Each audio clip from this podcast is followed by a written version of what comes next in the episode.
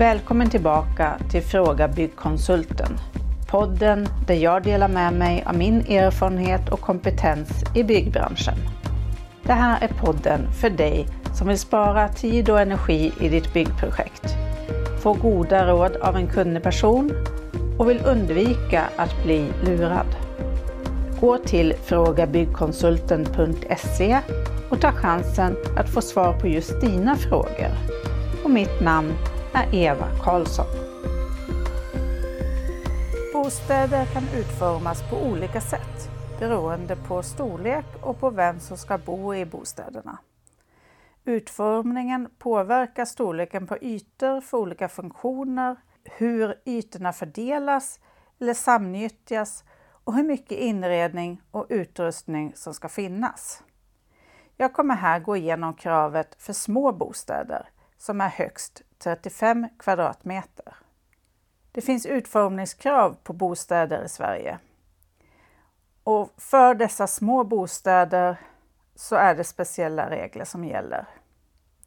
För att klara utformningskravet så ska en bostad ha plats för ett hygienrum, alltså en WC eller dusch, ett vardagsrum som Boverket döpt till plats för daglig samvaro, en avskiljbar sovplats som kan till exempel vara en sovalkov, plats för matlagning, utrymme för måltider, en entré med plats för ytterkläder, utrymmen för att tvätta och det ska finnas förvaring.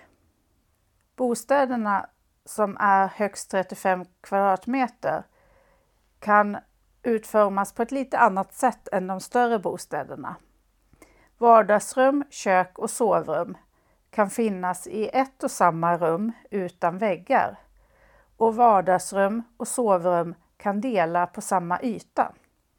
Det finns även i Boverkets byggregler allmänna råd om hur mycket inredning dessa små bostäder ska ha. Dessa är styrande även om regelverket säger att det är råd. I köksdelen ska inredningslängden för matlagning vara minst 1,8 meter.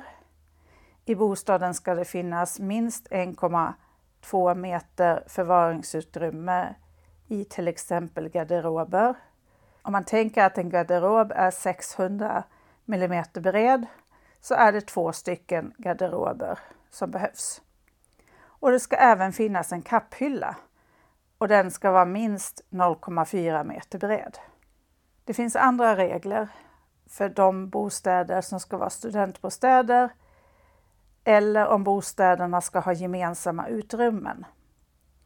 Om du vill veta mer om detta så vill jag gärna ha en fråga till fraga h3k.se så kommer jag göra ett avsnitt speciellt för de här kategorierna.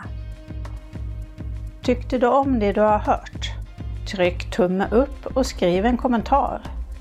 Och dela gärna till dina vänner så att fler får ta del av min kunskap. Om du vill ha svar på en fråga, stor som liten, så gå till frågabyggkonsulten.se. Du är aldrig ensam om att fundera på något. Vi hörs snart igen och mitt namn är Eva Karlsson.